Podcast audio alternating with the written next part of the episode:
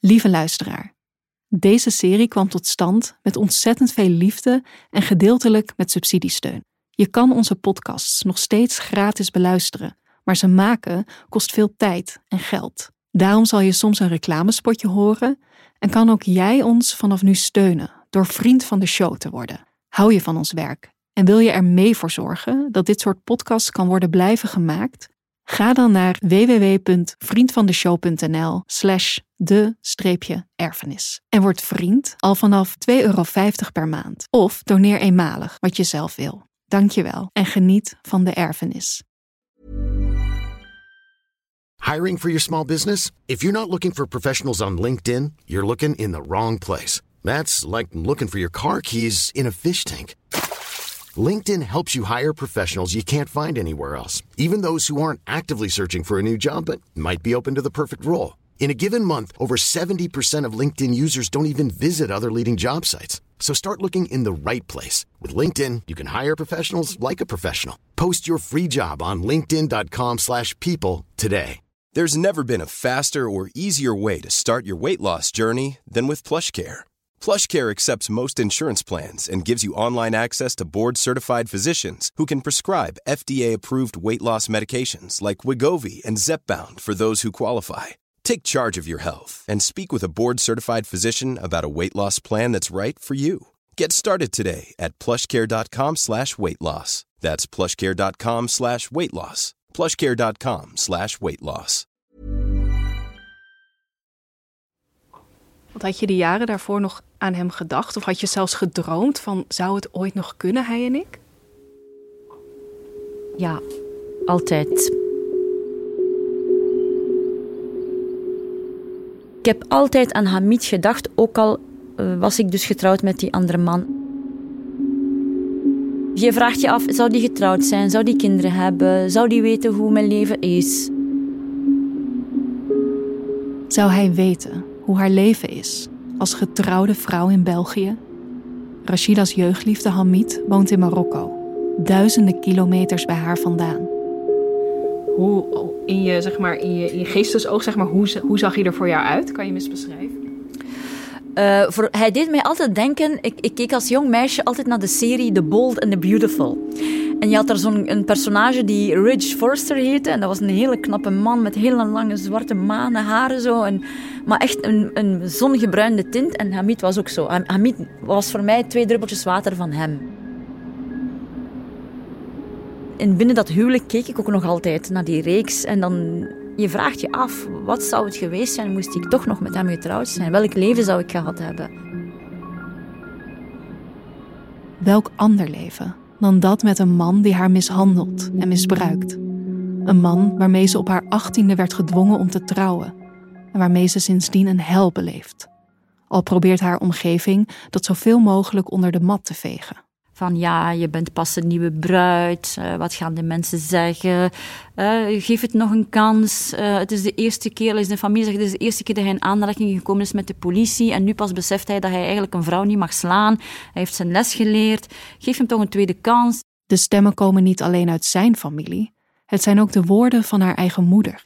Geef hem toch nog een kans. Probeer het nog een keer. Geef het een kans. En als het de eerste jaar niet goed lukt, ja, dan kan je volgend jaar wel van hem scheiden. Probeer het gewoon. Rashida belandt meerdere malen in het ziekenhuis, maar telkens terug bij hem. Tot ze, ergens in het tweede jaar van dat huwelijk, een grens bereikt. Wanneer haar man haar op een avond bont en blauw slaat met de stang van een stofzuiger en haar bloedend de straat opgooit. En dan doet de buurvrouw van tegenover mij het huis tegenover mij de deur open. En ik lag daar bloedend smekend op de grond, alsjeblieft, haal mij bij een ambulance. Haar man stond erbij en hij zei, dat zijn onze zaken niet, doe die deur dicht. Op mijn knieën ging ik naar het gebouw tegenover mij en ik klopte op de eerste verdieping aan bij Kadisha. Een vriendin die ik tot op heden vandaag enorm graag zie. Zij deed de deur open en die was gechoqueerd van hoe ik eruit zag. Het eerste wat ze deed naar politie, ambulance bellen en mijn ouders. En toen zijn mijn ouders gekomen. En nog voor ik hen heb laten uitpraten, heb ik onmiddellijk gezegd: ik ga niet terug naar die monster. Jullie zijn mijn ouders niet. Jullie bestaan niet voor mij. Dit is de laatste keer. Ik heb dit nu beslist. Dit is gedaan. Deze keer kan niets of niemand Rashida nog tegenhouden. Ze vraagt de echtscheiding aan en begint aan een jarenlang en moeizaam administratief proces, waarin ze voortdurend wordt tegengewerkt. Zo moet ze niet alleen scheiden in België, maar ook in Marokko. Maar wanneer ze daar is, om twee jaar na haar besluit een laatste handtekening onder haar scheiding te zetten, staat ze opeens, opnieuw, oog in oog met haar Marokkaanse Rich Forrester. En toen ik hem zag, uh, ik voelde direct in die ruimte die energie. Dat was echt zoiets van, uh, dat je jaren niet gevoeld hebt. Want ik heb echt jaren heel lang slecht gevoeld in mijn, in mijn vel. Maar ik kreeg zo een warmte, tintelingen doorheen mijn lichaam. Dat dat zelfs tot in mijn gezicht voelbaar was. Uh, en blijdschap langs beide kanten. Want ik zag ook aan hem zo van... We zagen mekaars ogen en we waren aan het lachen van... Ben jij dit echt? Zo van, jij staat echt, echt voor mij. Vijf jaar hadden ze elkaar niet gezien. Ze waren geen tieners meer, maar jonge volwassenen. Eentje blakend en gezond, de andere gehavend en nog wankel in haar nieuwe vrijheid. En waar het gesprek verlegen begon, sterkte deze met een minuut. Ik herinner me dat hij eh, rond eh, acht uur s'avonds was gekomen. Die is pas om vier uur s ochtends naar huis gegaan. Dat was zo'n lang gesprek. Heel veel tranen langs beide kanten gelaten. Uh, alles verteld geweest. Al, ja, en, en zo zijn we eigenlijk naar elkaar uh, toegegroeid.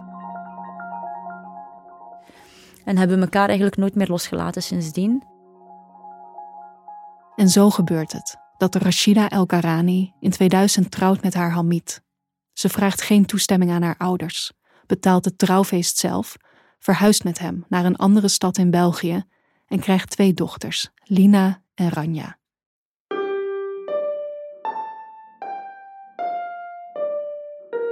En zo komt ook de trein van uithuwelijking gierend tot stilstand.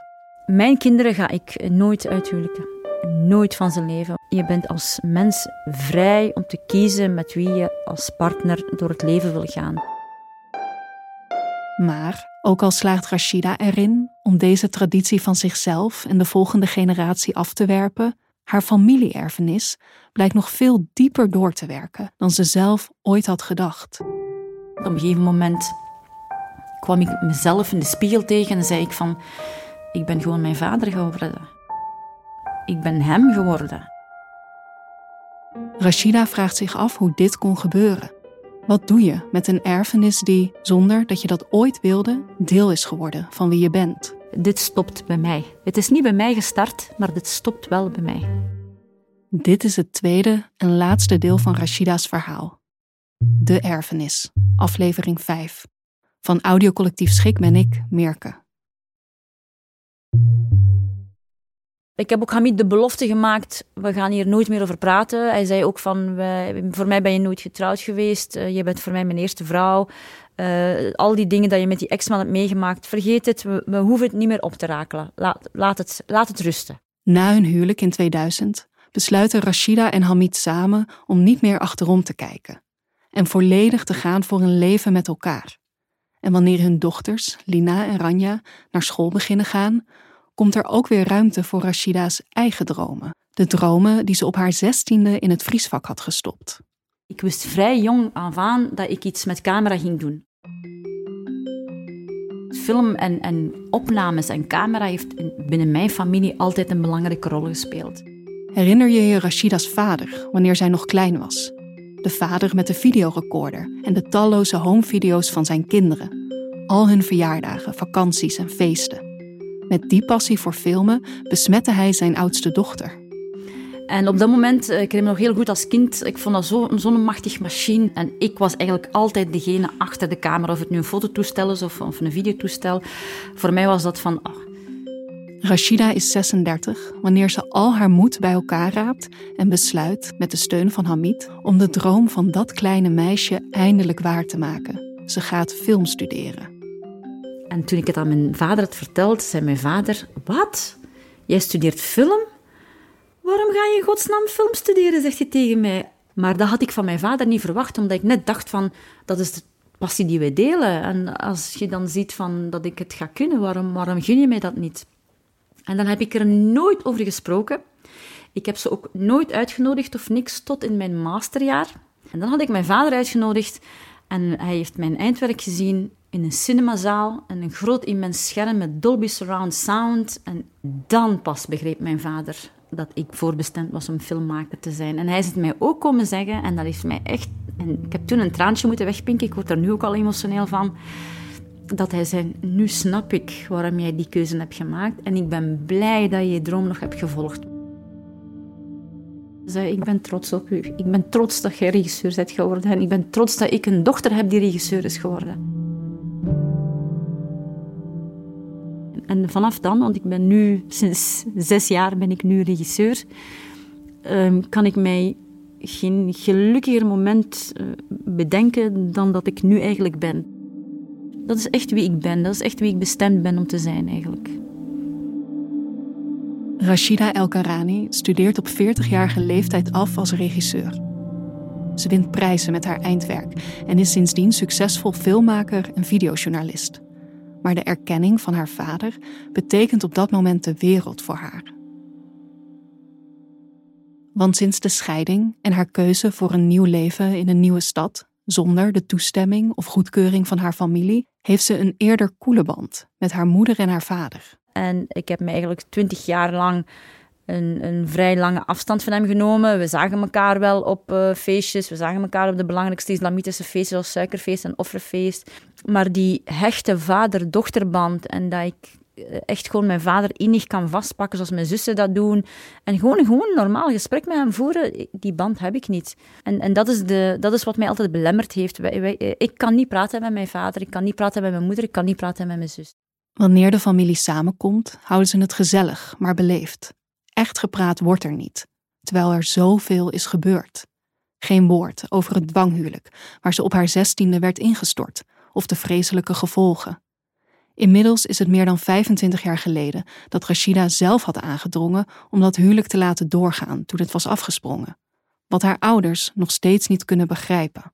Waarom heb jij die keuze gemaakt om te trouwen? Jij hebt die keuze gemaakt. Wij hebben het huwelijk stilgelegd. Over de verkrachting en haar verterende schuldgevoelens heeft ze hen nog steeds niets verteld. Een wereld aan onuitgesproken pijn ligt tussen hen in, al lijkt daar op een bepaald moment toch iets aan te veranderen. Toen mijn papa in 2016 de diagnose van Alzheimer heeft gekregen. Ik herinner het moment nog heel goed en helder van oei, ik ben mijn vader aan het verliezen. Dat was eigenlijk het eerste uh, gedachte die ik had. En dan kwam ik eigenlijk meer met de gedachte van ik heb zoveel onafgewerkte issues met mijn vader eigenlijk, die ik eigenlijk met hem wilde bespreken en afhandelen, voor ik hem eigenlijk compleet ging verliezen aan de ziekte van Alzheimer. Er gaan twee jaar voorbij. En Rashida ziet haar vader afglijden naar een plek waar ze hem geen vragen meer kan stellen over vroeger. Over dat kleine meisje dat op de trotse schouders van haar vader ooit de hele wereld kon zien. Dat meisje dat altijd lachend in zijn camera keek. En hoe hij dat meisje in het donkere hoofdstuk van haar huwelijk kon laten belanden. Uh, binnen een paar jaren gaat mijn vader niet meer weten wie ik ben, gaat hij zichzelf niet meer weten wie hij is. Rashida ziet de laatste kans verdwijnen om haar vader te leren kennen en te begrijpen. Ziet ook hoe hij nooit zal weten wat zij heeft doorstaan. En dan krijgt ze een idee. Mijn vader heeft al die jaren heel de familie gedocumenteerd. We hebben drie decennia aan materiaal van als ik klein was. Van zes, zeven jaar sta ik op beeld. Ik zei tegen papa, oké, jij houdt van cinema. Ik heb de liefde van cinema van jou gekregen, want vanaf twaalf jaar heb je mij zelf leren filmen. Laten we samen een film maken. En mijn vader zei, ja, oké, we gaan er starten. En dan ben ik dus maandenlang niks anders gaan doen met mijn vader als babbelen en schrijven, babbelen en schrijven, babbelen en schrijven. Rashida werkt samen met haar vader aan een plan om een documentairefilm te maken over hun leven. Ze duiken samen in de honderden homevideo's die hij draaide. Ze kijken, praten, luisteren, zoals ze dat misschien wel nog nooit hadden gedaan. En ik ontdekte zoveel mooie dingen over mijn vader, waar hij eigenlijk heel zijn leven nooit heeft over verteld. En ik was eigenlijk verrast van hoe deze 80-jarige man zo in één keer zich zo kwetsbaar en zo blootstelde. Maar dan dwingt corona de wereld letterlijk en figuurlijk binnenskamers. Het project valt stil En in deze luwte duiken twijfels op bij haar ouders. Uh, wat gaan de mensen zeggen? Ze beginnen zich zorgen te maken. Je hangt niet de, de, vuile was buiten. Dat wordt in Vlaanderen ook als spreekwoord gezegd. En haar vader trekt zich terug uit hun project. Ja, eh, ik ga hier niet meer, mee, niet meer meedoen. Het project is in elkaar gestort. Ik heb pogingen gedaan tot verzoening en communicatie. Ze bleven weigeren. Ja, en dan ben ik in een, in een spiraal van emoties en dingen gekomen dat ik gewoon niet meer wist wat doen. Er knakt iets in Rashida en het voelt alsof ze overloopt. De, het minste wat ik vertel was één emotionele uitbarsting. Alsof ze na al die jaren eindelijk moet luisteren naar een klein stemmetje in zichzelf. Ik was getrouwd met Hamid en uh, ja, dan ben je natuurlijk in een euforie, maar je voelt, je voelt altijd van binnen, er is iets met mij. Maar je, je, kan daar, je kan daar geen etiket op plakken, je kan dat niet verklaren van waar het vandaan komt. Al jaren gaat het misschien helemaal niet zo goed met haar. Rashida is vaak ziek, heeft maagklachten, keelontstekingen die uit het niets lijken te komen dat je zelfs niet meer kan slikken. Je krijgt dan van die witte, witte vlekken op je keel, dat je echt soms uit het niets, hè, dat je denkt van waar komt dit vandaan? Ik heb geen verkoudheid, of niks opgelopen, maar... Maar het is vooral in haar hoofd dat het vaak donker wordt. Je kan van de ene moment heel euforisch zijn en nog geen moment later voel je in één keer neerslachtig en, en wat is het leven toch somber. Ergens ontbreekt er iets in mij van, uh, ja, is er iets met mij aan de hand? Alsof er een hele grote druk op mij is. Levensfut kwijt ben, eh, energie kwijt ben. Zelfmedelijden. Van waar komt dit? Waarom voel ik mij zo? Soms is dat heel donker. Donkere gedachten. Donkere gedachten. Ja, echt... Uh, ja. Jarenlang gaat Rashida in golven op en neer en op en neer. En dan, dan, dan barst de bom. En ik herinner me nog heel goed dat um, Pascal, hij is mijn uh, director of photography, dus hij is mijn cameraman, die merkte aan mij een aantal signalen dat hij zei, Rashida, ik ga even open kaart met u spelen en ik, ben ervan overtuigd dat je echt therapie nodig hebt. Dat je misschien nog de stap moet gaan zetten naar, naar, uh, naar een psycholoog te gaan. En ik dacht van, huh? Waar komt u nu mee af? Ze besluit het advies van haar collega wel op te volgen. En zo komt ze voor het eerst op de bank van een therapeut terecht. Um, ik kwam bij mijn therapeute terecht en um, eigenlijk van de eerste meeting zei ze: Ja, eh, dit is intergenerationeel trauma. En dan stond ik zo met mijn wenkbrauwen te fransen van... Uh, ik heb geen flauw idee waar je hier aan het vertellen bent. Het is echt de eerste keer dat ik dit hoor. De term trauma ken ik, maar intergenerationeel weet ik echt niet wat dat betekent. Rashida had verwacht dat ze het in dat therapiekamertje over haar gedwongen huwelijk zou hebben, over haar ex-man en het geweld dat hij gebruikte. Maar al tijdens deze eerste sessie geeft haar therapeut aan dat het niet alleen over Rashida zelf gaat, maar over intergenerationeel of transgenerationeel trauma. In geen enkel moment heb ik gedacht dat ik ging duiken in iets dat eigenlijk veel dieper zat dan mezelf. Hoe dit precies zit, hoor je na de reclame. I'm Sandra, and I'm just the professional your small business was looking for. But you didn't hire me because you didn't use LinkedIn jobs. LinkedIn has professionals you can't find anywhere else, including those who aren't actively looking for a new job but might be open to the perfect role, like me. In a given month, over 70% of LinkedIn users don't visit other leading job sites. So if you're not looking on LinkedIn, you'll miss out on great candidates like Sandra. Start hiring professionals like a professional. Post your free job on linkedin.com/people today. Hey, eventjes Nele hier van Audiocollectief Schik. Misschien begint het tijdens het luisteren van deze podcast bij jou ook wel te kriebelen om aan de slag te gaan, om zelf een podcast te maken. Dan is onze podcastschool misschien wel iets voor jou. In een cursus van vier dagen vertellen we je alles wat je wil weten over hoe wij Bob, El Tarangu, Lara en de erfenis hebben gemaakt. We leren je interviewen, vertellen je meer over het schrijven en inspreken van voiceovers en we begeleiden je persoonlijk bij je eerste eigen audio-experiment. In juni vind je onze podcastschool in Amsterdam. In oktober zijn we in Antwerpen. Voor alle info ga naar collectiefschik.com slash podcastschool en schrijf je zo snel mogelijk in.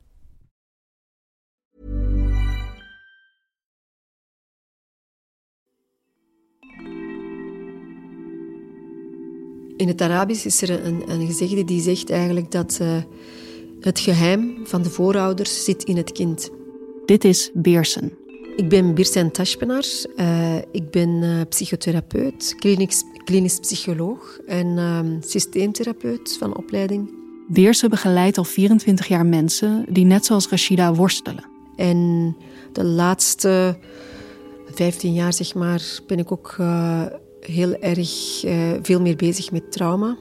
Ik spreek met Beersen om te kunnen begrijpen wat transgenerationeel trauma precies is. Maar daarvoor, zegt ze, moeten we eerst begrijpen wat trauma is.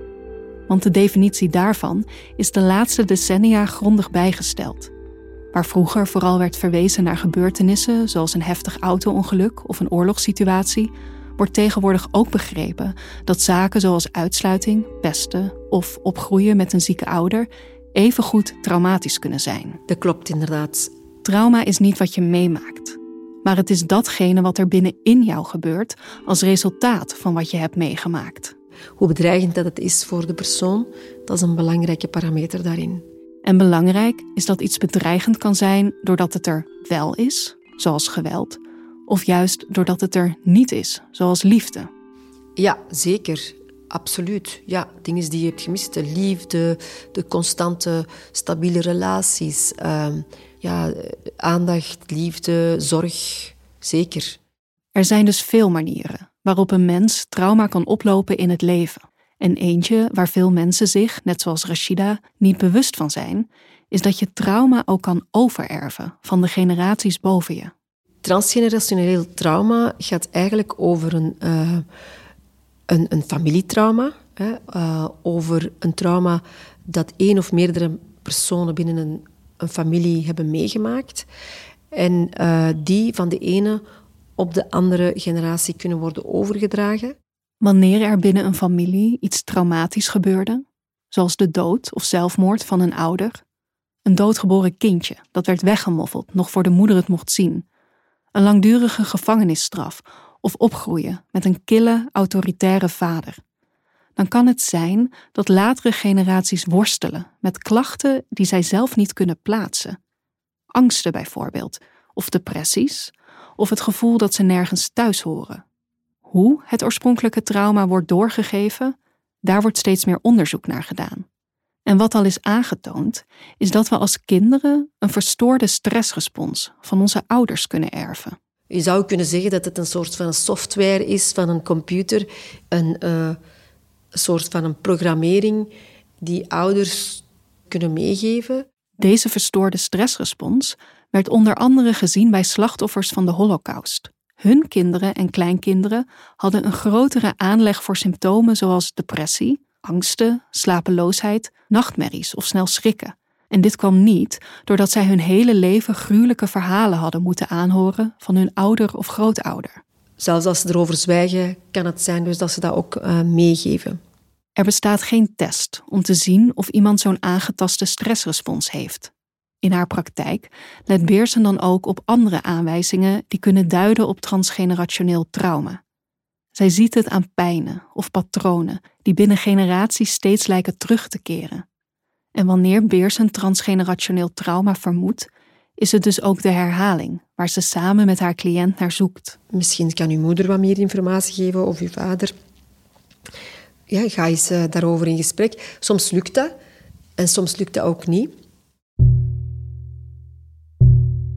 En hoe zat dat dan bij jou? Hoe, hoe ben jij daar dan aan begonnen?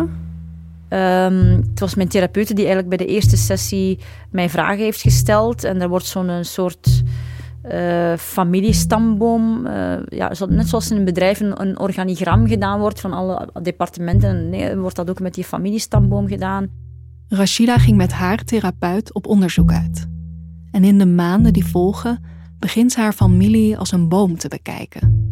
Een levend wezen waarvan alle takken met elkaar verbonden zijn en uitkomen in een robuuste stam, in Rashida zelf. Rashida klimt langs de takken omhoog om te zien wat er in de levens voor haar gebeurde, om te ontdekken wat er zich steeds herhaalt. Ze begint met de linkerkant van de boom, haar moederlijke lijn. Op die takken staan verschillende jonge vrouwen die onder dwang een huwelijk moesten aangaan. Haar moeder, die als tiener moest trouwen en in een gewelddadig huwelijk belandde, waaruit ze wist te ontsnappen. Haar oma, die ook door haar vader aan een man was weggegeven. Maar wat hebben deze vrouwen nog meer met elkaar gemeen? Rashida vliegt naar Marokko om meer over het leven van haar oma te leren, die als meisje opgroeide op het Marokkaanse platteland van de jaren 30 en 40. Men gaat niet naar school, alleen de jongens kregen onderwijs. Uh, meisjes konden enkel thuis uh, huishouden doen en die werden dan klaargestoomd om, om, om naar een, een huwelijksleven in te gaan. En dan moesten ze leren koken, alle huishoudelijke dingen doen. En Rashida ontdekt dat haar oma haar verloofde pas ontmoette op de bruiloft zelf. Die zagen elkaar pas tijdens hun huwelijksnacht en dan heeft ze hem voor de eerste keer gezien. En dan was het van, oh, dat is een knappe man. Dat was haar eerste gedachte. En dan kom je, in, kom je elkaar uh, tegen in dat huwelijk, ga je elkaar leren kennen. Ja, dan ontdek je niks anders dan een spiraal van uh, uh, geweld. En Rashida komt te weten dat het meisje dat nog een tak hoger in de boom staat, haar overgrootmoeder, naar alle waarschijnlijkheid hetzelfde huwelijkslot was ondergaan. Maar zij kreeg daarbovenop nog een extra mokerslag te verwerken. Want haar man stierf aan de Spaanse griep en zij bleef als jonge weduwe achter. En die heeft dan eigenlijk uh, heel haar leven lang haar uh, kinderen opgevoed. En, en uh, die heeft ook een heel moeilijk leven gehad. Armoede, geweld en mannelijke overmacht. Rashida zag deze thema's steeds in haar stamboom terugkeren. En hoe beter ze keek, hoe duidelijker het haar werd dat de vrouwen in haar familielijn vaak niet over hun eigen dromen, groot of klein, mochten beslissen. Eh, ik weet bijvoorbeeld van mijn moeder dat ze ook met dromen zat. En mijn moeder wilde graag rijbewijs eh, volgen. Hij wilde graag Nederlandse lessen volgen. Hij wilde graag um, naailessen volgen. En dat is wat haar vriendinnen van haar leeftijd ook deden. En mijn moeder zat met de belemmering dat dat niet mocht van mijn vader. Mijn vader besliste over haar en als mijn vader nee zegt, dan is het nee. Nu Rashida wat tijd had doorgebracht met haar voormoeders, was het tijd om naar de rechterkant van de boom te kijken, haar vaderlijke lijn, waar ze veel over had geleerd tijdens de periode dat hij nog wilde meewerken aan de film. Tijdens een van die gesprekken ontdekte ze dat hij al heel jong getekend was geweest door verlies. Uh, want mijn vader heeft nooit zijn echte vader gekend, want die is uh, gestorven als mijn oma zes maanden zwanger was van hem. Rashida's vader groeide hierdoor niet op met zijn echte papa, maar met een stiefvader, die hem vaak hardhandig aanpakte. En ook in zijn verdere leven zou de dood vaker zijn pad kruisen. Want in 1960 was hij in Agadir, op het moment dat de grond begon te trillen. En mijn vader zat die dag in de cinema in Agadir een film te kijken. Ik, ik, hij heeft me gezegd welke film, maar ik ben vergeten wat het was. Terwijl hij naar de film zat te kijken, begon het hele gebouw te schudden. Hij rende naar buiten en overleefde de aardbeving maar 15.000 anderen zouden worden vermorseld. Eh, hij zag afgehakte mensendelen, mensen die onthoofd waren. En hij was 17 jaar. Uh, hij probeerde mensenlevens te redden. Waren mensen die in puin. En, en dat bleef hem te spelen. En hij heeft er eigenlijk nooit over gepraat tot ik eigenlijk deze film aan het maken ben om hem te vertellen. En mijn vader is emotioneel in tranen uitgebarsten. Ik kon zelfs mijn tranen niet, niet vertellen, omdat hij zo gedetailleerd dingen aan het beschrijven was. En mijn vader is echt een heel goede verteller ook. De aardbeving verwoestte levens en de mogelijkheid om een goed bestaan op te bouwen. Om aan complete armoede te ontsnappen, besloot Rashida's vader om naar Europa te emigreren. Mensen staan er niet bij stil, maar migratie op zich is ook een trauma. Dat is ook heel veel dingen achterlaten, eh, heel je leefwereld achterlaten en naar een land gaan eh, waarin je de taal niet kent, de gewoontes niet kent, de cultuur niet kent. Rashida's vader wist de cyclus van armoede te doorbreken, maar betaalde daar wel een prijs voor. Hij bouwde een gezin uit in een cultuur die niet de zijne was, terwijl zijn thuisland aan hem trok. Zo zag hij tien jaar lang zijn eigen moeder niet en stierf ze in Marokko, zonder dat hij afscheid van haar had kunnen nemen. En zo ben ik eigenlijk mijn vader zijn leven gaan begrijpen. Al de trauma's die impact gehad hebben op zijn leven, uh, de keuzes die hij heeft gemaakt, Trauma's en keuzes die impact hadden op zijn leven, maar ook op dat van Rashida. Want wanneer ze uitzoomt, ziet ze hoe er van alles werd doorgegeven. Van de ene hand naar de volgende, naar de volgende. Ik vergelijk het met een estafettewedstrijd als uh, de atleten aan het lopen zijn en ze de stok moeten overhandigen aan elkaar. En wel bij mij is dat die stok van uh, kindhuwelijken en die stok van, uh, van armoede en geweld is van generatie op generatie doorgegeven. Dus Rashida ziet zichzelf staan, met al deze stokken in haar handen. Ze werd uitgehuwelijkt, er was geweld in haar leven, tijdens haar eerste huwelijk, maar even goed als kind. Haar vader had namelijk ook agressie als opvoedmiddel gebruikt. En haar moeder keek toe en zweeg. Zijn woord was wet en je, iedereen had daar gewoon naar te luisteren, want hij was de gezinshoofd, hij was de man en je moet respect hebben voor die man, zijn woord, zijn beslissingen, zijn keuzes die we voor jou hadden. En de enige manier hoe dat ze dat konden overbrengen aan hun kinderen was angst en terreur. En binnen deze angstcultuur leerde Rashida als kind haar mond houden. Maar ze wist toen al: ik ga het later anders doen. Uh, ik heb altijd, eh, toen mijn vader zo streng met mij was, altijd gezegd van... Ik ga dit mijn kinderen nooit aandoen, omdat ik weet hoe dit, hoe dit uh, voelt. Maar zo vurig als Rashida dit voornemen ooit uitsprak, zo moeilijk is het nu om met de kennis van transgenerationeel trauma naar haar dochters te kijken en te zien dat ze ongewild ook pijn heeft doorgegeven.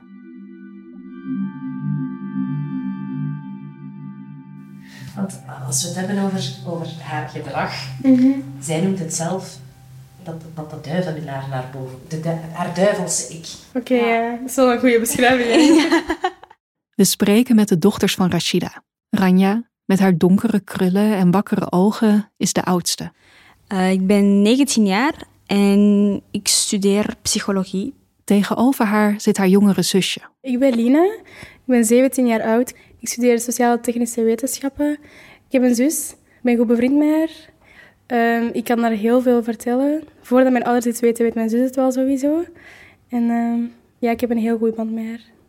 Dat familie heel belangrijk is voor deze twee jonge vrouwen blijkt direct. Maar ja, zo hebben onze ouders ons opgevoed om echt familiaal um, samen te zijn. Want mijn papa heeft al wow, van kleins af aan wow, meegekregen. En um, hij zegt altijd, ja, familie is het belangrijkste. Dus ik ben dankbaar dat we elkaar hebben. Dus voilà. Dank je. Lina en Ranja benadrukken dat ze voornamelijk een fijne jeugd hebben gehad. Voor de duidelijkheid, onze jeugd was goed, hè? Ja, ja, Het is niet dat we... we, nu, we bespreken, gewoon mama haar verleden dat invloed heeft op haar negatieve gedrag. Mm Maar ze heeft natuurlijk positief gedrag. Ja, sowieso. Ja. De zusjes weten dat we zijn gekomen om het te hebben over de kant van hun moeder, die zij zelf haar duivelse ik noemt. We begrijpen waarom ze dat zo heeft genoemd. Het is gewoon, op dat moment komt gewoon alles in één keer naar boven. In naar, naar boven. En ik denk wat zij dan heeft, is dat ze niet eerst nadenkt. Ze denkt, ze is impulsief.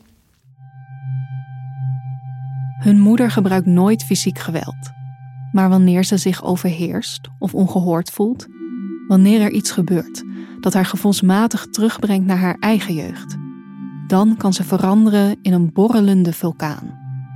Ja, je wilt gewoon niet dat ze boos wordt. Je wilt haar niet aanstoken. dus dan... dan komt echt de duivel inderdaad echt ja. boven. Dat wil je echt niet. Want als kind zijnde is dat... Want bijvoorbeeld nu, dat is toch anders. Want je kan makkelijker met elkaar communiceren. Want ja, we zijn ouder. Het is niet dat we nog klein zijn. Maar als klein kind is het moeilijk om bepaalde dingen over te dragen. En dan denk ik dat ze dat deed aan de hand van... Um, angst. Allee, om ons bang te maken. En dan begrepen we haar zo op die manier. Door middel van angst je kinderen in het gareel houden. En via luide woorden duidelijk maken wat de grenzen en verwachtingen zijn. Dat klinkt bekend. Zij kent alleen maar roepen en schreeuwen, omdat ze dat van haar ouders dus heeft geleerd. Ze kent niks anders. Dus daarom denk ik zo van... Ik, het is toch te danken... Ah, niet te danken. Dat, uh, het is door haar verleden dat ze dus eigenlijk zo agressief is. Het geheim van de voorouders zit in het kind. En wanneer je het aandurft om goed naar die kinderen te kijken, naar de spiegel die zij jou voorhouden, dan kan je zien wat er zich herhaalt. En dat is dan achteraf dat ik zei van shit, ik ben hier trauma's aan mijn kinderen aan het overgeven die ik zelf heb overgedragen, ondanks het feit dat ik mezelf de belofte heb gemaakt, ik ga dit anders aanpakken bij mijn kinderen. En ik heb inderdaad heel veel dingen anders aangepakt bij mijn kinderen, maar het roepen, het tieren, dat passief-agressief gedrag, dat is altijd hetzelfde gebleven. Rashida zag in dat haar dochters vaak bang voor haar waren geweest. Ik ben gewoon mijn vader geworden. Ik ben hem geworden. Dit was een harde klap, maar wel eentje waarmee ze aan de slag kon. Er is een Arabisch spreekwoord dat zegt El tikraru min al Hassan. En dat zegt eigenlijk, in de herhaling zit schoonheid. Dit is opnieuw therapeut Beersen Tashpinar. En ik geloof er echt wel in dat uh, die herhaling, waar ook bij transgenerationeel trauma van sprake is, uh, de schoonheid daarin is dat het vraagt voor een oplossing, vraagt voor een antwoord, dat het vraagt om gezien te worden en dat er daar verborgen wijsheden in zitten. Wanneer het duidelijk wordt dat er pijn en patronen van generatie op generatie zijn doorgegeven, openen zich ook mogelijkheden om daar iets aan te doen. En deze boodschap drukt Beersen haar patiënten ook op hun bange hart. Dat ze dat verschil kunnen maken en dat ze inderdaad dat niet hoeven over te dragen. Dat dat niet iets is dat we gewoon zomaar meegeven, maar dat we daar wel een verschil in kunnen maken door dat proces aan te gaan. En dat is wel heel vaak hoopgevend. Dat proces ziet er voor iedereen anders uit. Alles hangt af met uh, wat een persoon binnen een leven al heeft bereikt. Als iemand er bijvoorbeeld al in is geslaagd om uit een gewelddadig huwelijk te stappen, zoals Rashida, dan is dat al een eerste verwezenlijking. Een tweede verwezenlijking is om de verwerking binnen jezelf te laten plaatsvinden. Beerse helpt haar cliënten verbinding te maken met de gevoelens die horen bij de traumatische gebeurtenissen zowel die uit hun eigen leven als die uit de levens van hun voorouders. En als mensen een taal beginnen te krijgen voor, om, het, om, die, om dat trauma te verwerken, en zeker als dat dan over de generaties heen, dan krijg je hier een, een heel orkest van heel veel verschillende emoties die tegelijkertijd beginnen spreken. En, en Beerse ziet vaak, live in haar behandelruimte, hoeveel dit orkest kan opleveren. Want als cliënten erin slagen om de pijn van vorige generaties te begrijpen en zich ermee te verbinden, dan gebeurt er iets bijzonders.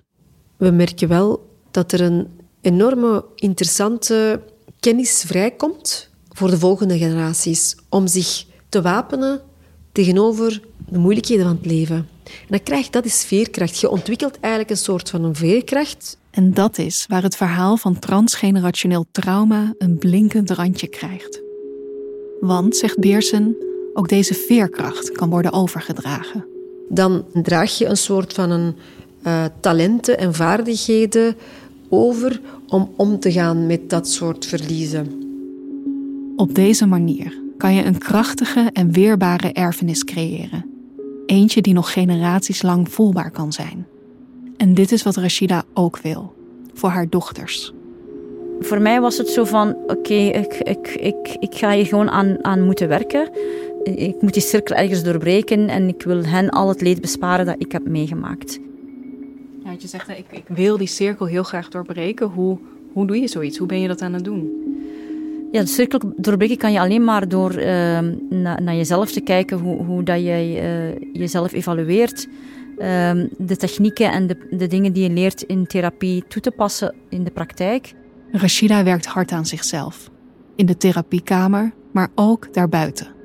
Wanneer ze thuis is en de woede voelt opkomen, probeert ze nu een andere weg in te slaan. Ja, uh, gewoon niet met woede-uitbarstingen dat ik zoals, rap op mijn paard springen. Ik heb eigenlijk altijd heel, heel mijn leven rap op mijn paard springen en direct verdedigingstechniek en dan begin ik iedereen, tegen iedereen te schieten. Dat is wat ik eigenlijk 25 jaar heb gedaan. En daar probeer ik nu op te letten van, oké, ik moet me niet laten gaan, emotie beheersen, voel het, van waar komt het, diep ademhalen en op een andere manier interactie doen met hen. En, uh, zonder die uitbarstingen. En, en dat, is, dat, is, dat is grote klus. Hè. Dat is de grote klus die je moet doen als uh, jezelf veranderen. Dat is het moeilijkste wat er is. Hè. Rashida is hier nu zo'n drie jaar mee bezig. En haar dochters, ze merken het. Het is al iets beter dan vroeger, ja, maar het is nog steeds in ontwikkeling. Wat logisch is, dat is normaal. Ja, want het is niet... Allee, je gaat niet een paar keer naar de psycholoog en het is opgelost. Het is echt, dat pakt, ja, dat, dat pakt echt wel tijd. Een paar weken duren, een paar maanden of zelfs jaren. Ja, en we hebben er wel begrip voor. En we zien ook wel verandering. Progressie. Ze zien hoe hun moeder anders probeert te reageren. Hoe ze oprecht sorry zegt als haar duivelse ik toch weer eens de overhand neemt. En ze zien hun moeder praten. Rashida deelt haar innerlijke wereld, haar verleden, haar inzichten. En dit doet ze niet enkel met haar dochters, want er is ook nog de film. Ondanks dat haar vader zich een paar jaar geleden terugtrok, heeft Rashida haar project nooit losgelaten. Ze wil namelijk haar verhaal delen met de wereld, op haar eigen manier. Zij is nu de regisseur. En dus zet ze haar project voort zonder haar vader. Maar dit wordt haar niet in dank afgenomen. Zo heeft haar familie twee jaar geleden al het contact met haar verbroken. Mijn ouders en heel mijn familie is tegen mij. Die denken dat ik uh, alleen maar op uit ben uh, om mijn vader aan de schandpaal te nagelen. Maar dat is net niet haar doel, zegt Rashida. Haar doel is om trauma bespreekbaar te maken. Om het te hebben over dwang of geweld binnen huwelijken. Om taboes binnen haar gemeenschap open en bloot te leggen. Al is Rashida ondertussen wakker genoeg om in te zien dat haar motivatie om deze film te maken ook ergens anders vandaan komt. Ze hoopt toch, misschien tegen beter weten in, haar vader te bereiken. De liefde voor cinema die mijn vader had, heeft ook te maken met dat hij altijd zei: Als ik een film heb gezien, kan ik mij zo inbeelden in, in het verhaal van, een, van dat personage. Of die personage een underdog is, of, of een slechterik of niet, een seriemoordenaar, dat maakt niet uit. Op het einde van de film kan je die mensenleven begrijpen. En ook al is dat een slechterik, ik kan begrijpen wat er, fout, wat er, wat er verkeerd gegaan is. Rashida's film zal verschijnen in de winter van 2024. Ik stel me voor hoe Rashida's vader straks op de bank voor de televisie zit. En plots ziet hij op het scherm hun verhaal, in de taal van cinema. Plots begrijpt hij de pijn van zijn dochter en zijn aandeel hierin. Ik zoek mijn vader die mij die bevestiging geeft en die erkenning dat dit gebeurd is. En het feit dat, uh, ja, dat, dat het toegegeven wordt van, uh, dat ik het kan loslaten. Maar wat als het niet gaat komen? Want die kans is best groot.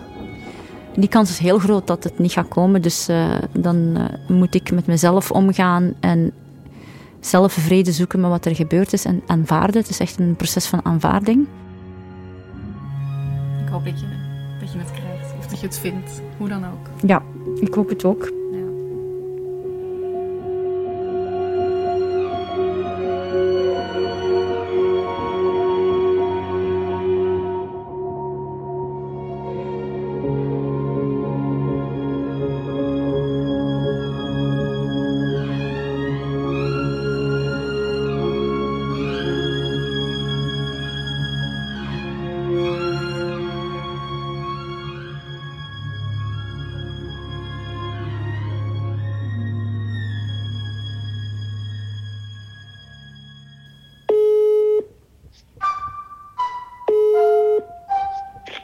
Hallo. Dag Mirk. Dag Siona. Mirk, dit was de voorlaatste aflevering van dit seizoen. Dat betekent dat de volgende aflevering de laatste is. En daarin gaan we het weer hebben over een totaal ander soort erfenis. Klopt. In de volgende aflevering gaat het over een erfenis van herinneringen. We ontmoeten Alma en eh, we leren over haar jarenlange strijd om haar herinneringen onderdeel te maken van het Nederlands collectief geheugen. Hoe zit het met mij? En met al die andere overlevenden die dus inmiddels Nederlanders zijn? Met de Bossische roots die die genocide overleefd hebben. Wanneer ben je Nederlands genoeg?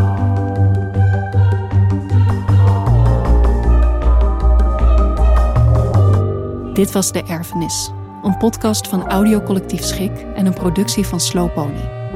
Deze serie is tot stand gekomen met steun van het Vlaams Audiovisueel Fonds van de Vlaamse Overheid, het Letterenfonds, het Cultuurfonds, het Amsterdam Fonds voor de Kunsten en Stad Antwerpen.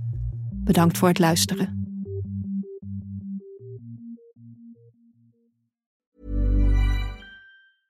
Mom deserves the best, and there's no better place to shop for Mother's Day than Whole Foods Market. They're your destination for unbeatable savings, from premium gifts to show-stopping flowers and irresistible desserts. Start by saving 33% with Prime on all body care and candles. Then get a 15-stem bunch of tulips for just $9.99 each with Prime. Round out Mom's menu with festive rosé, irresistible berry chantilly cake, and more special treats. Come celebrate Mother's Day at Whole Foods Market. Planning for your next trip?